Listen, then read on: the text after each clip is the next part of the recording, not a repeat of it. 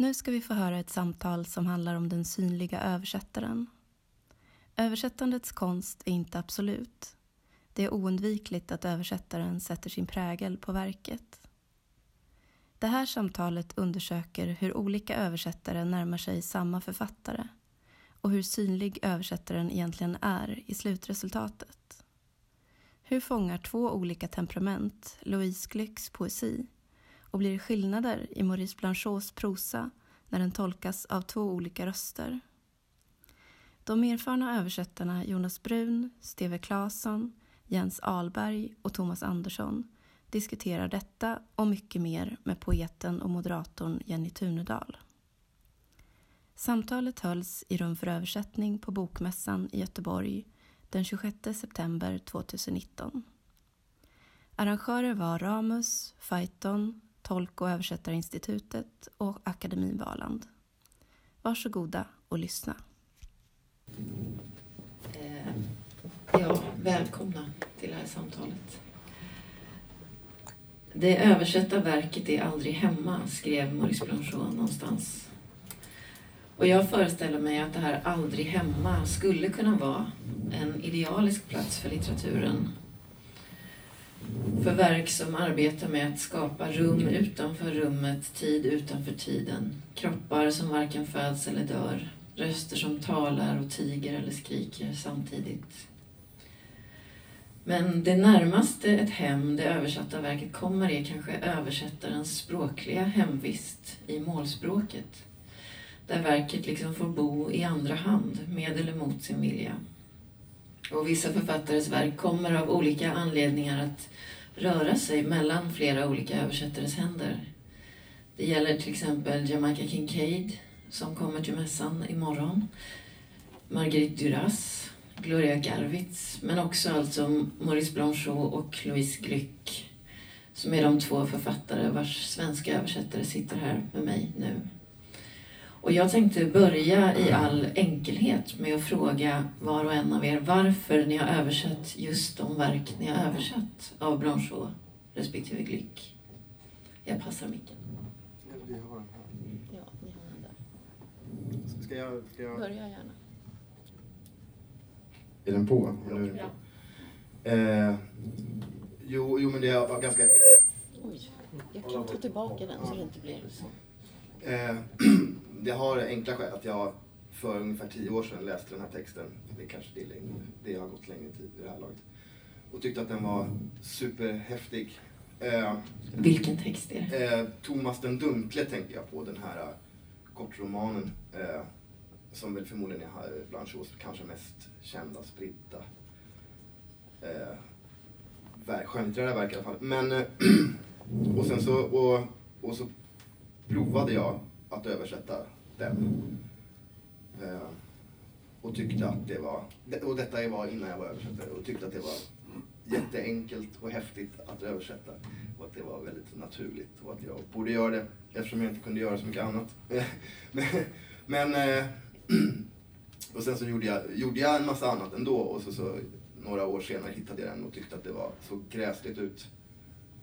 Eh, och då hade jag börjat översätta så, så prövade att göra den bra. Och sen så, och sen så i det här fallet är det så enkelt att jag, att jag tänkte, jag försöker lägga beslag på den här. Jag hade läst Thomas översättning eh, och tyckte att den var av Döden väntar, tyckte att den var fantastisk. Men eftersom ingen hade pratat om Blanchot på ett bra tag så, så, eh, så försökte jag helt enkelt bara sälja in Thomas, Thomas den dunkle av helt egoistiska skäl för att det var eh, för det, var, för det var en bok jag ville göra helt enkelt. Mm.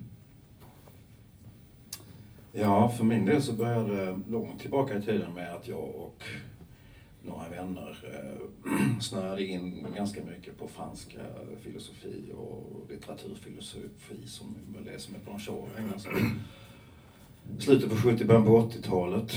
Och sen så höll det i sig intresset, avtog lite med familjebildning och sånt. Men sen eh, fick min gode vän Jonas Herna, den snillrika idén, starta ett litet bokförlag som heter Umbra Solis. Och vi valde som vårt första projekt där att försöka översätta den eh, La Redomeur, alltså Döden väntar blev det då på svenska. Tyckte vi var en fyndig översättning av det. Eh, och det blev den första boken, vi gjorde alltså den tillsammans då. Och eh, det var ju för att vi var så intresserade av den här författaren och för att vi mm, det var väl lite också för att vi ville visa vad vi kunde. Vi jobbade otroligt länge med den här texten kan jag säga. Det var nästan absurt. Jag kommer ihåg att jag satt och skrev för hand. Eh, och sen eh, gjorde Johan en version också för hand och sen så skrev vi ut på maskin och sen satt vi och jämförde versioner och lappade ihop texterna. Så så det gick till faktiskt. Eh, så jag är glad att eh, eh, det kunde bli läsligt överhuvudtaget. Det är inte säkert att det är en ideal process det där egentligen. Men det var så det började och sen eh, har mitt eh, intresse hållit i sig och sen så till slut, ja, så gick ju åren. Detta var alltså 1991. Sen gick åren och sen fick jag en förfrågan häromåret om att göra den här som heter après på, på franska i efterhand som är um, två skönlitterära texter från 30-talet som eh, är något märkliga och det verkar han tycka själv också. Så skriver han detta om i sitt efteråt i boken eh, till, till, till eh, de här som eh, bildar den här volymen i efterhand, eller après har jag översatt med i efterhand.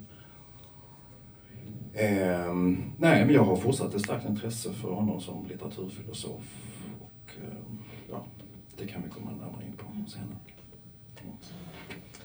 Eh, Steve, Louise Glück. Jag, ska, jag har alla böckerna jag ska säga det. De har ju, den här, den var grön va, för länge sedan. Eh, Döda väntar var Ja, grön. ja. Eh, grön som, eh, Och nu finns de i väldigt fina utgåvor. grön som livet. Ja, precis. det som var Ja. Och nu är den beige som döden.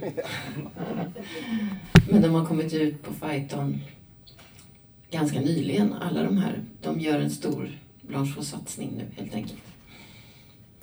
Och så har vi också då Ararat och Averno av Louise Glück här. Och du Steve har sysslat med Ararat. Och med Averno och med allt annat hon har skrivit. Jag hade med henne redan i början på 80-talet när jag gav ut en antologi som är en av de bästa unga nya tjejrösterna från Amerika. Hon och Olga Brumas var först i Sverige då 81 någon gång. Och jag tyckte Louise Glück var helt fantastisk efter de första två, tre diktsamlingarna. Och, eh, och likadant Olga Brumas som bara hade gett ut en enda bok. Då. Och idag är hon en av ja, den lesbiska rörelsens stora figurer i Amerika. Men ingen har översatt något mer utav Brumas mig veterligt. Men Louise Glück tyckte jag var fantastisk då. Men jag höll ju på med de gamla klassikerna, William Carls Williams, Ezra Pound och dem på den tiden. Så det fick liksom ligga. Och sedan allt eftersom de kom ut, jag träffade henne 81, så sedan allt eftersom de kom ut så fick jag böckerna. Och sen har jag gjort en råöversättning av dem allihop från den tiden. Och sen träffade jag Jonas för många år sedan, i, först på litterär gestaltning tror jag, och sedan ute hos mig på en annan skrivarkurs. Och, sen, och då berättade jag för dig att eh, det, finns en amerikansk tjej som var bra och sådär. Och det visste Jonas, så plötsligt så ringde han för något år sedan och så sa han, har du något emot att jag gör Avern och jag vet att du håller på med Louise Glück ungefär så där till.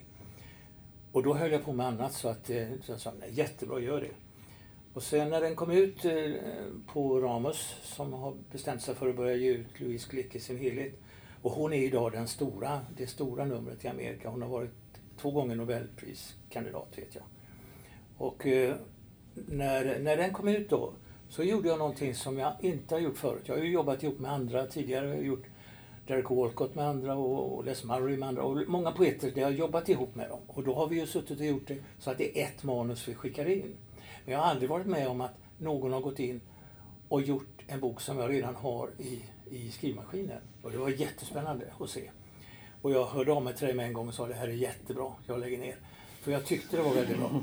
Den var, det fanns en, gen, men det är en otroligt spännande grej som jag aldrig varit med om förut.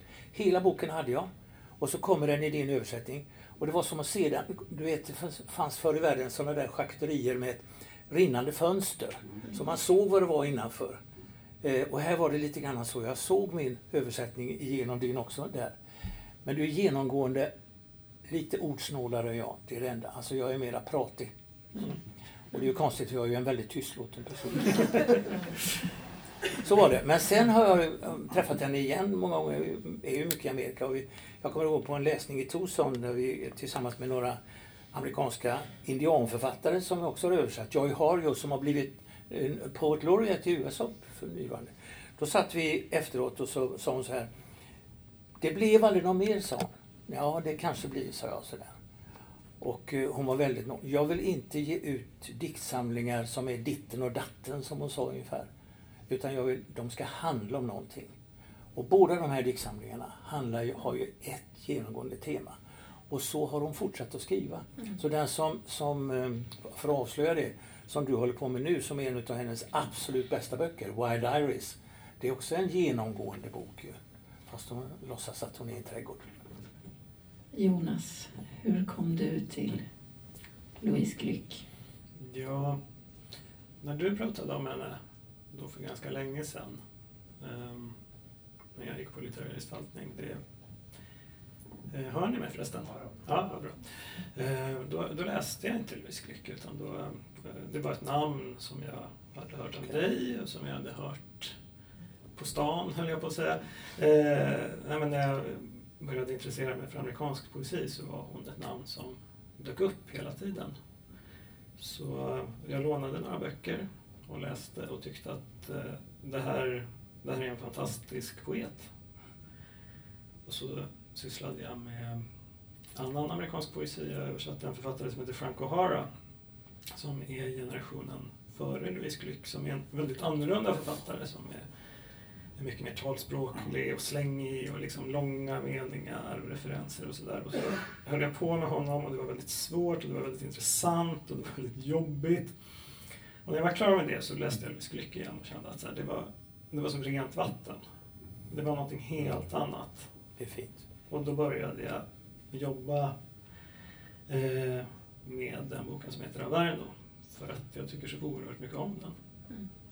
Jag tycker om många böcker av Louise Glück. Men, men just den, och Wild Iris, de, de känner jag har, har någonting särskilt som talar till mig. Mm.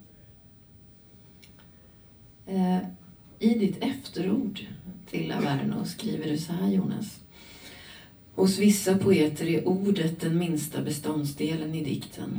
Poeter som primärt är intresserade av rytm och klang. Jag uppfattar de aspekterna av dikten som sekundära hos Glück. De minsta elementen i hennes dikt är meningen. De är alltid enkla och tydliga, praktiska som tegelstenar och med samma råa tyngd. Jag tänkte att det var en intressant utsaga i relation till översättning som jag på något sätt skulle vilja fråga er om. För att jag har inte översatt så mycket själv, men jag känner alltid att jag är dömd att arbeta med just ordet. Att det finns någonting med det enskilda ordet som inte går att komma undan jag längtar kanske till frasen men jag sliter med ordet. Och jag tänker att det också är på ordets nivå kanske som skillnader ofta kan synas eller klinga. Vad tänker ni om det här med ordet respektive meningen? Någon som nappar? Mm. Uh, jag skulle vilja vi fick ju de här frågorna innan så jag har försökt fundera men alltså, jag, jag tycker att det, går nästan inte att svara på. Att, eh, jag försökte klura ut någonting klyftigt där men det, det blev inte så bra. Eh, och, och det enda jag kan säga är att jag tror väl egentligen inte att det ligger på någon särskild nivå alls. Var tror du att det ligger? Um, ja, vilket menar du då exakt? Till exempel var skulle du kunna tänka dig att skillnaderna i ja, era tolkningar ja, går att avläsa? Ja, på det sättet. Eh, jo, men då tror jag väl att det är, när jag säger ingenstans så menar jag väl överallt eh, faktiskt. För att eh, det är klart att eh, det, det, går ju att se, eh, om, man, för, om man är en tränad läsare, att det här är nog översatt av den och det här är nog översatt av den. Och då har vi med meningsbyggnad, klart ordval också ibland eh, att göra eh, och eh, hur man kommenterar till och med kan det, kan det vara och, och nå, någonting i ja, tonfall i så fall skulle, om jag fick välja något så skulle jag säga tonfall. Ja, det skulle jag vilja hålla med om. Alltså, det är tonfallet som gäller. Och jag, varken ord eller mening är det första grejen, utan mening i betydelsen innebörd.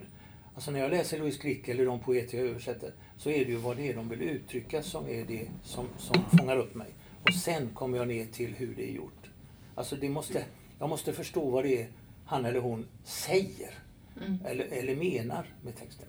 Och när det är klart, ja då faller väldigt mycket på plats. Men jag håller med Thomas, alltså tonen är det absolut viktiga. Eh, och några av de poeter jag har översatt, de låter ju som jag, höll jag på att säga, eller, eller jag som dem. De passar mig. Medan andra är en liten bit ifrån. Louise har jag liksom en slags respekt för. Så hon är inte mitt tonfall på samma sätt som Louis Simpson var det, eller William Carlos Williams. Men, men, men, men hon är ju oerhört distinkt och klar i vad hon vill och menar. Och då faller rätt så mycket av det andra på plats. Alltså. Och, förstår du vad jag, Ja, vad jag, jag försöker, jag försöker svara Men, men jag, Sen är det inte säkert heller att man har full kontroll över sin ton, även om man tror det. För jag tror att all, alla medel man använder påverkar den där tonen eller klangen. Som, eh, jag minns att när vi hade översatt väntar så fick vi goda recensioner och beröm och så. Det var ju uppmuntrande. Men jag kommer ihåg, jag tror det var Peter Luthersson i Sydsvenskan som skrev att stilen i Döden väntar var stram som en kyrkvaktmästare. Och han menade det positivt, men vi, jag tyckte aldrig riktigt att om det där. Va? Jag vill inte vara stram som en kyrkvaktmästare, men ja, så kan det också vara. Men, har du förändrat det då? eh, jag hoppas det, men eh, jag, jag, jag vet inte. Nej. Jag skulle ju säga att det är, att det är fel. Jag tycker, jag tycker inte att den är så stram. Eh, och sen så också vill jag säga att det, det märks inte på något sätt att det är två översättare som har jobbat med eh, den här romanen heller.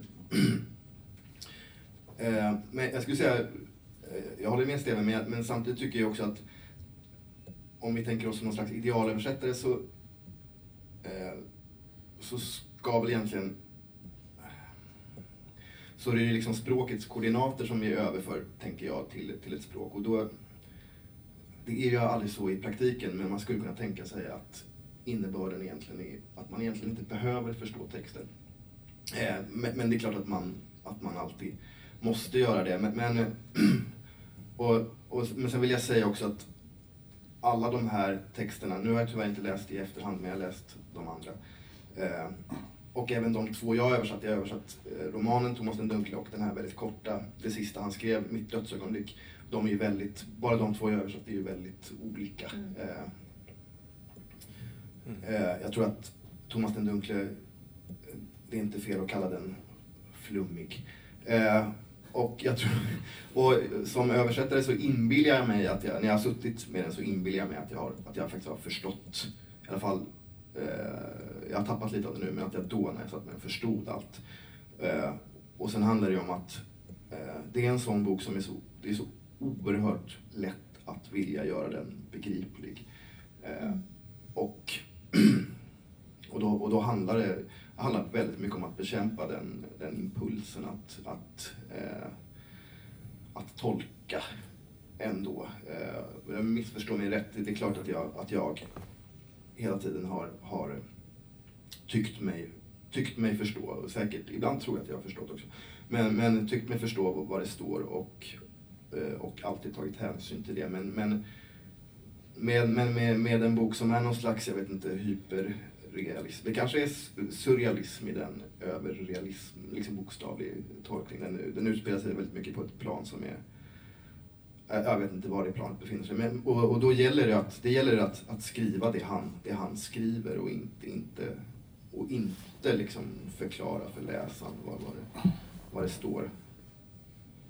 Nej, för det måste ju vara en frestelse. Man gör ett enormt stort arbete med att begripliggöra Ja, för sig själv. ja.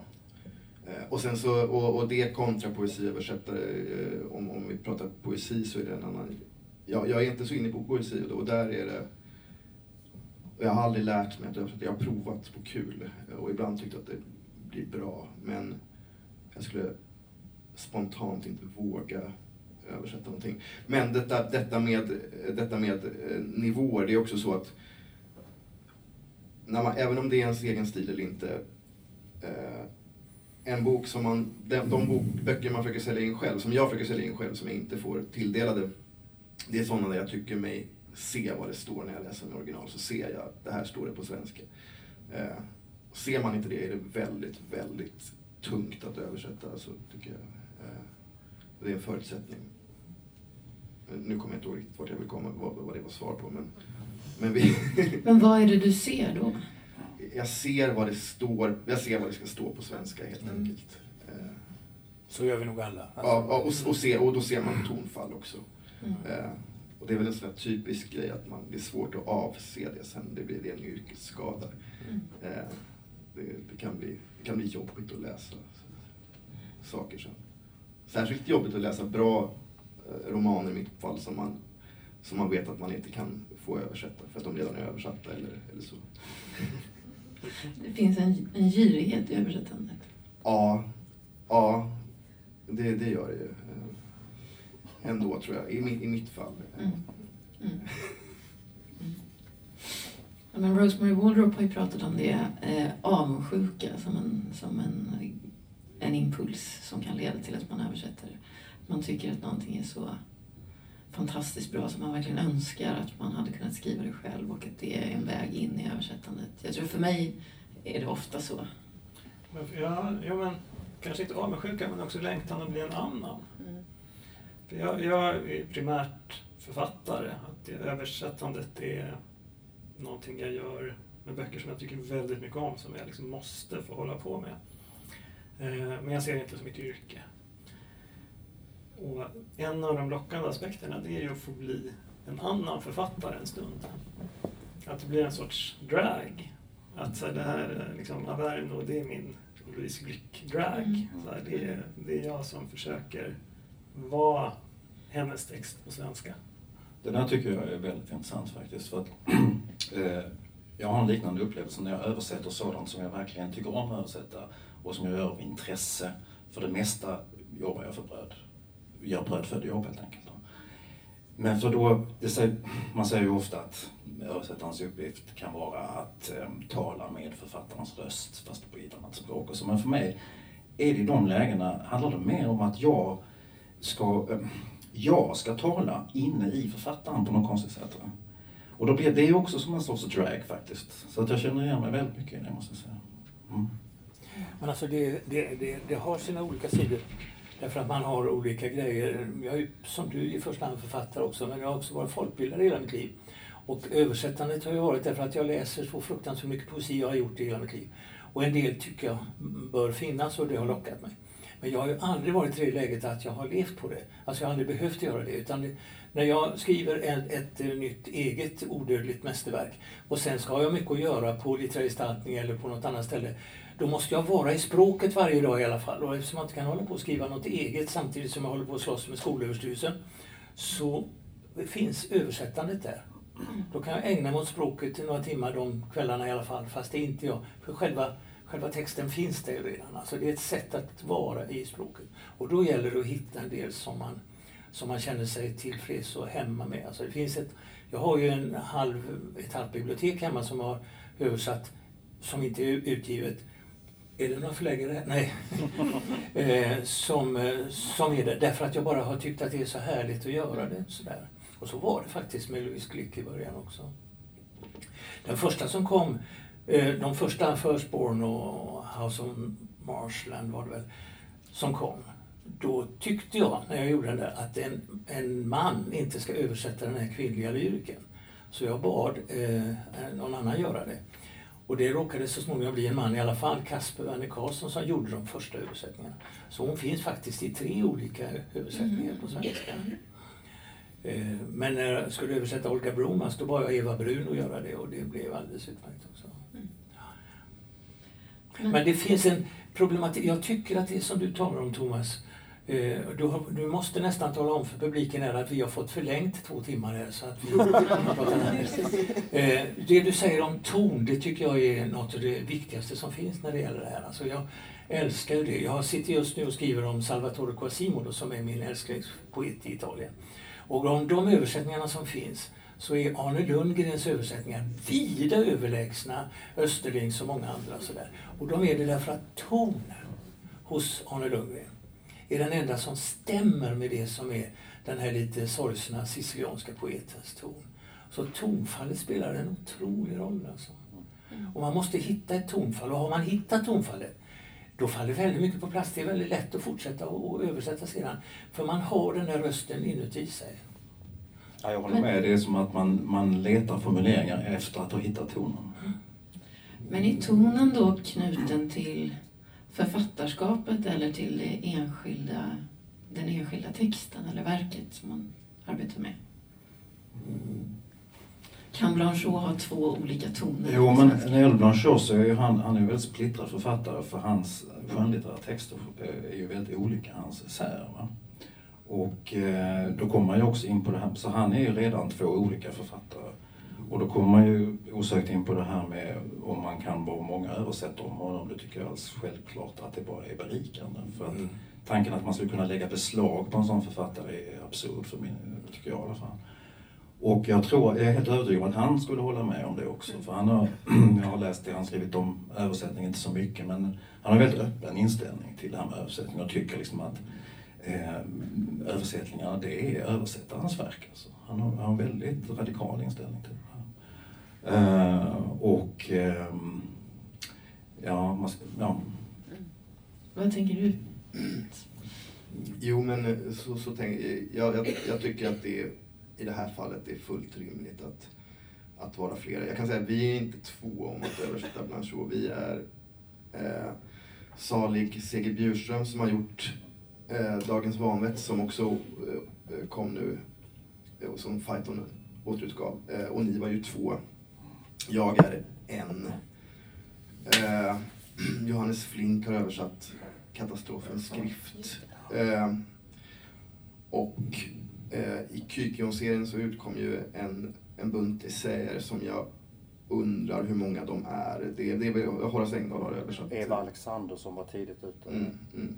Så vi är ett, vi är ett helt gäng eh, röst, röster. Eh, angående det här med tonen så, så är, är det, i, i det här fallet är det på liksom, boknivå skulle jag säga. Mm. Bok, bok, böckerna är, är utsagorna som, som har de olika tonerna.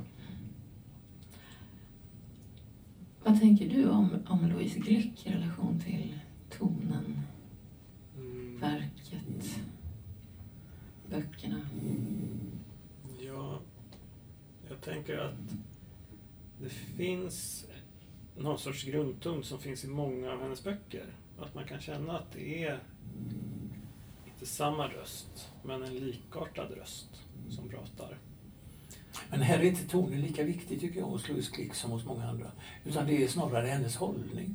Ja, ja men kanske jag, jag, jag tänker att hennes ton också strävar efter någon sorts klarhet. Ja, och att just så här, men, säga som det är och liksom tala mm. Oforcerat. Och det, det är olika starkt i olika böcker. Men jag, men jag tycker att Ararat, som du har översatt, har lite annan ton för att den handlar mycket mer om intimitet. Mm. Så där blir det nog lite annat, även om också i den finns viljan av att tala uppriktigt och Sannolikt. nästan grymt ibland kan man säga. Mm. Eh, det har mm. kommit, jag har svårt att komma på någon annan författare som skriver om familjen på det sättet. Mm. Ja, det är en anmärkningsvärd familjeskildring. Verkligen. Och jag tänker att Vernon så är det mytologiska väldigt viktigt. Det, det bärande myten om Persefone. Och det, jag menar, det gör ju också någonting med tonen, att den blir lite mer distanserad. Att den, kan, den har något lite föreläsande. Så. Mm. Men känner du dig närmre den än det du ser i Ararat? Ja, men kanske att jag känner mig mer lockad av den. Eller att jag, jag är intresserad av att pröva det språket. Mm som jag var inne på, att det var, det var någonting med att jag kan inte skriva, jag menar jag kan inte skriva som Ararat heller, men jag kan verkligen inte skriva som Averno. Och mm. därför var det mm. verkligen intressant att gå in i och ja, men, ta på sig de kläderna. Krävs det ett litet mått av dödsförakt eller övermod eller någonting för att översätta? jag kan säga i det här fallet så, så var jag, det är nog 15 år sedan jag började med det här och då var det ju verkligen så här, eh, grabbig fåfänga som, som fick mig att börja. Men sen så, eh, ska jag säga, en, en transparent ton är ju också en ton liksom. Mm. Apropå det ni, det, ni, det ni pratar om. Eh, men, och sen när jag pratar om det här att, om att se, se tonen eller, eller se vad det står framför sig. Eh, det är ju någonting som också sen när man sätter sig att, att läsa att läsa någonting och, och sen att översätta det, det, det blir ju annorlunda när man översätter det. För, för mig i alla fall. Eh, jag tror att, och när jag översätter från tyska, det är då det ligger, då blir liksom skillnaden, diskrepansen mellan det jag, det jag ser när jag läser första gången och det som står i min översättning blir nog minst. Och det, och det har ju att göra med, med, med, med liksom ordens närhet till svenskan. Och, och det är klart att man också bedrar sig eh, där. Eh, menar. Jag kan ju inte garantera att jag, att jag ser vad en, vad en tysk ser. Eh, och men när man översätter från engelska och franska så då blir, då blir, den, då blir det mycket, mycket betydligt större skillnad mellan det, mellan det jag ser första gången och, för det är inte alltid tydligt, även om jag tycker mig se vad det ska stå på svenska så är det inte alltid tydligt formulerat. Utan, utan, och där kan, det, där kan det se, där kan tonen, där kan man få kämpa med, med tonen. Sen när jag väl börjar, börjar liksom skriva ner det är väldigt spännande men döds, men, vänta, det, Dödsförakt sa du, det, det tycker jag är, låter kul. eh, vi går ju förbi Blanchot och Gluck i 30 sekunder. Men jag har varit med om att också tillsammans med en annan översätta en bok där det verkligen var frågan om dödsförakt. En fantastisk bok, en viktig bok i kulturhistorien. Men en fullständigt omöjlig bok på alla sätt. Va? Felaktig, ohederlig, dessutom full av misstag och galenskaper och strunt. Och en helt makalös bok. Jag känner mig som i, i, på julkalendern. Alltså, en helt ljuvlig bok. Men helt omöjlig. Vi höll på i två år med den där jävla boken. Jag vill inte se den mera. Det finns sidor jag kan utan till i sömnen fortfarande. Men den var helt omöjlig att översätta. Därför att författaren hade skrivit med full fart och jättehärligt. Men det var, verkar som han aldrig hade gått tillbaks och rättat någonting eller ändrat sig eller, eller pusslat eller vad heter det, polerat i det. Utan han bara fortsatte och fortsatte, och fortsatte och när han hade kommit till 305 sidor så gav han ut den. Va? Medan vi som skulle översätta den upptäckte att från redan sidan 1 är det felöversatt, fel, äh, när man vad heter det, relaterar till andra författare, äh, felciterat. Mm.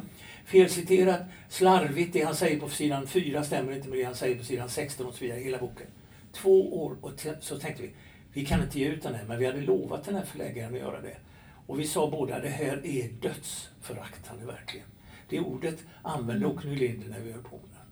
Och den boken kom ut och då bad vi förläggaren säga att detta är en lysande översättning till svenska av en medioker bok. Men det ville han inte skriva i början. Istället skrev han detta är en översättning av en bok som inte kan översättas. Och det står faktiskt på, på ett försättsblad där. Mm. Och det är en jätteviktig bok. Och idag ständigt kommer folk tillbaka och pratar med mig om den. Att den har jag, den har jag läst. Det står där och där och där. Och själv så är det sådär att jag orkar nästan inte med att se den. Och då frågar du, vad är det för bok? Ja, det blir spännande. Ja, det är Ezra Pounds Guide to Culture.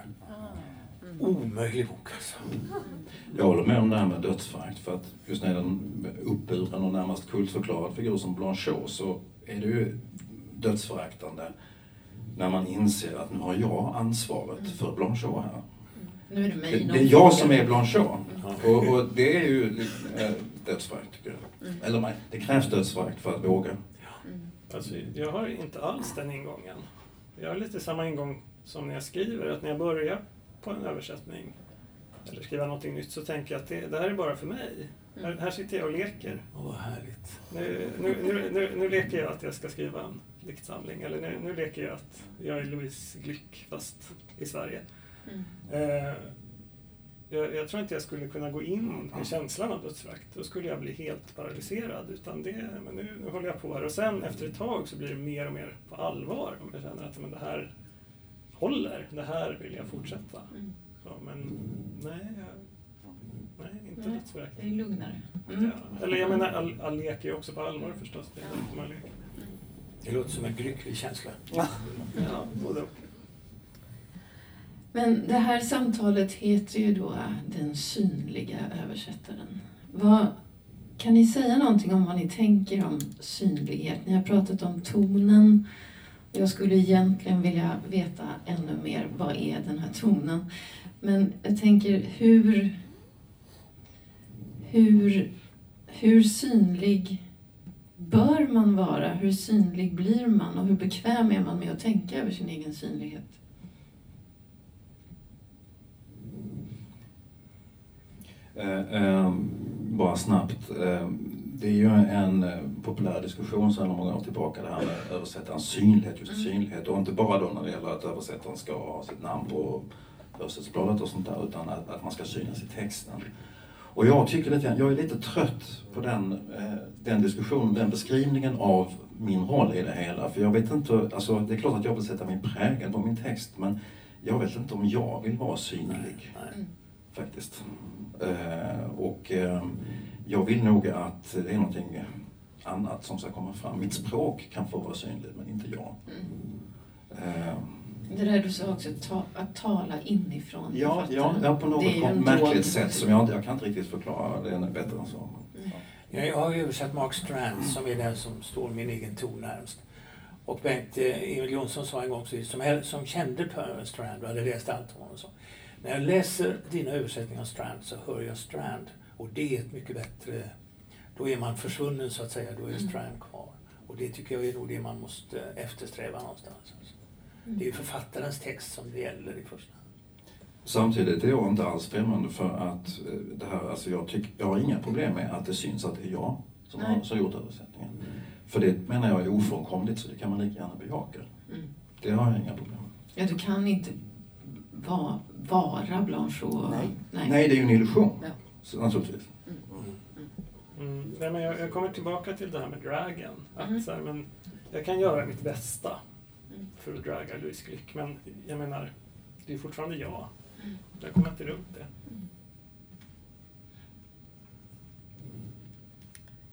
Eh, Det finns en sak som du inte berör och som är en bisats men som jag gärna vill säga nu när jag ser dig igen. Och som vi har pratat om i något tillfälle. Och det är, jag har fått eh, två stycken e-postbrev och ett par recensioner. Att jag gjorde i, min, i mitt efterord något som är väldigt ovanligt. Nämligen att jag ber folk läsa ditt efterord. ja, det att är, så bra. ovanligt. Ja. Alltså när man har läst min och ska veta någonting så säger jag det, det är mycket bättre att ni läser Averno och köper den och läser efterordet för det är så oerhört bra. Mm. Och, eh, men på något sätt så tycker jag det att vi, på det viset vill jag också markera att vi är faktiskt fler om det här. Mm. Alltså mar- markera att det, det här är, är, det är fler som, som kan och vill och gör det här. Mm. Mm. Ja, och då blev jag förstås väldigt glad. Ja, ja. Men jag har verkligen fått höra att det är en ovanlig, en ovanlig grej i ett efterord. Mm. Men tittar ni på varandras eh, sätt att vara och inte vara Blanchot respektive Glück? Vad ser ni då? Svår fråga förstås, men ändå tänker jag nödvändig när vi nu sitter här. Jag, jag tänkte på när du, Steve, sa att ehm, du använder flera ord. Ja. Och det, jag, för jag har tänkt när jag har läst våra översättningar, så, men det är en skillnad. Så, men vad är det för någonting? Jag tänker, jo men det är det, nu när du säger det. Nu fattar jag vad skillnaden är. Men det tänker jag också, på tal om vår synlighet. Okej, att, ja. Ja, jag tänker att det, där, där lyser det igenom. Mm. Jag skrev ju till er och sa att jag tänkte ta med Ja. för att läsa ett exemplar och en utav det, men det tar för mycket tid. Mm. Men eh, jag har ju också The Wild Iris och jag ser fram emot att se den när den kommer nu. Det är ett par utav hennes allra, allra bästa dikter överhuvudtaget i den. Mm. Så den kommer nästa Mm. år. Och jag är betald av förlaget att göra reklam och sånt. Det. Mm. Och ni? Ja, alltså jag, jo, jag läser, eh, mina kollegor gör där eh, och det är alltid med eh, viss vånda för att jag tycker alltid att de gör det bättre än jag. Eh, och sen så måste jag alltid, ja, man, är det verkligen så? Men det är så him- man är blind där. Va? Man kan inte se vad man själv har gjort och det är väldigt, väldigt svårt. Och, men eh,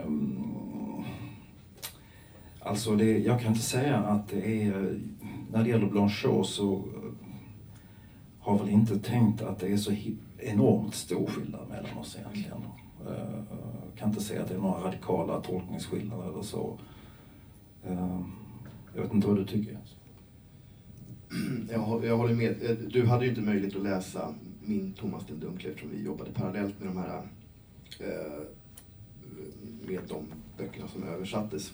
Jag hade ju läst de, de som redan fanns översatta, eh, Sigrid Djurströms och, och eran Döden väntar och, och tycker att de är eh, eh, fantastiska översättningar. Och, eh, Döden väntar, ligger, det är ändå någon slags realism.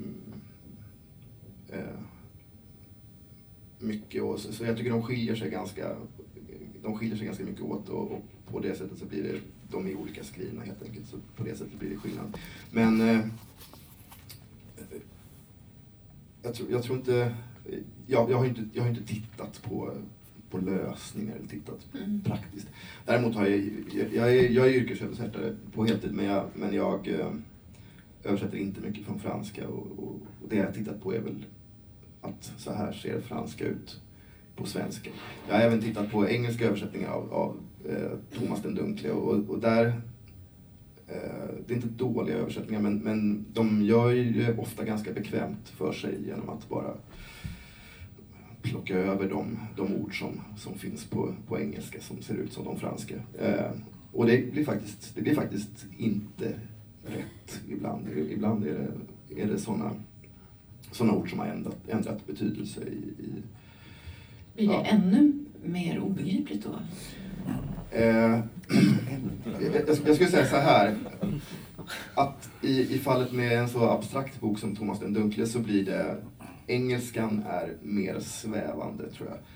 Eh, och svenskan och tyskan även är, är något eh, men jag kanske upplever dem som tolkande för att jag förstår dem på ett annat sätt. För hur jag än gör så, så finns det en distans till, till eh, de romanska språken. Att, eh, att jag, jag ser nyansskillnader tycker jag när jag läser på tyska och det är klart att jag, att jag pratar hyfsad engelska. Men, men, men det är liksom, det, det, det blir inte, jag, jag kan inte riktigt se, jag kan inte känna det som en infödd eh, så, så, så visst blir det, och visst blir det i det fallet, ja, jag tycker att han blir mer svävande på engelska ibland.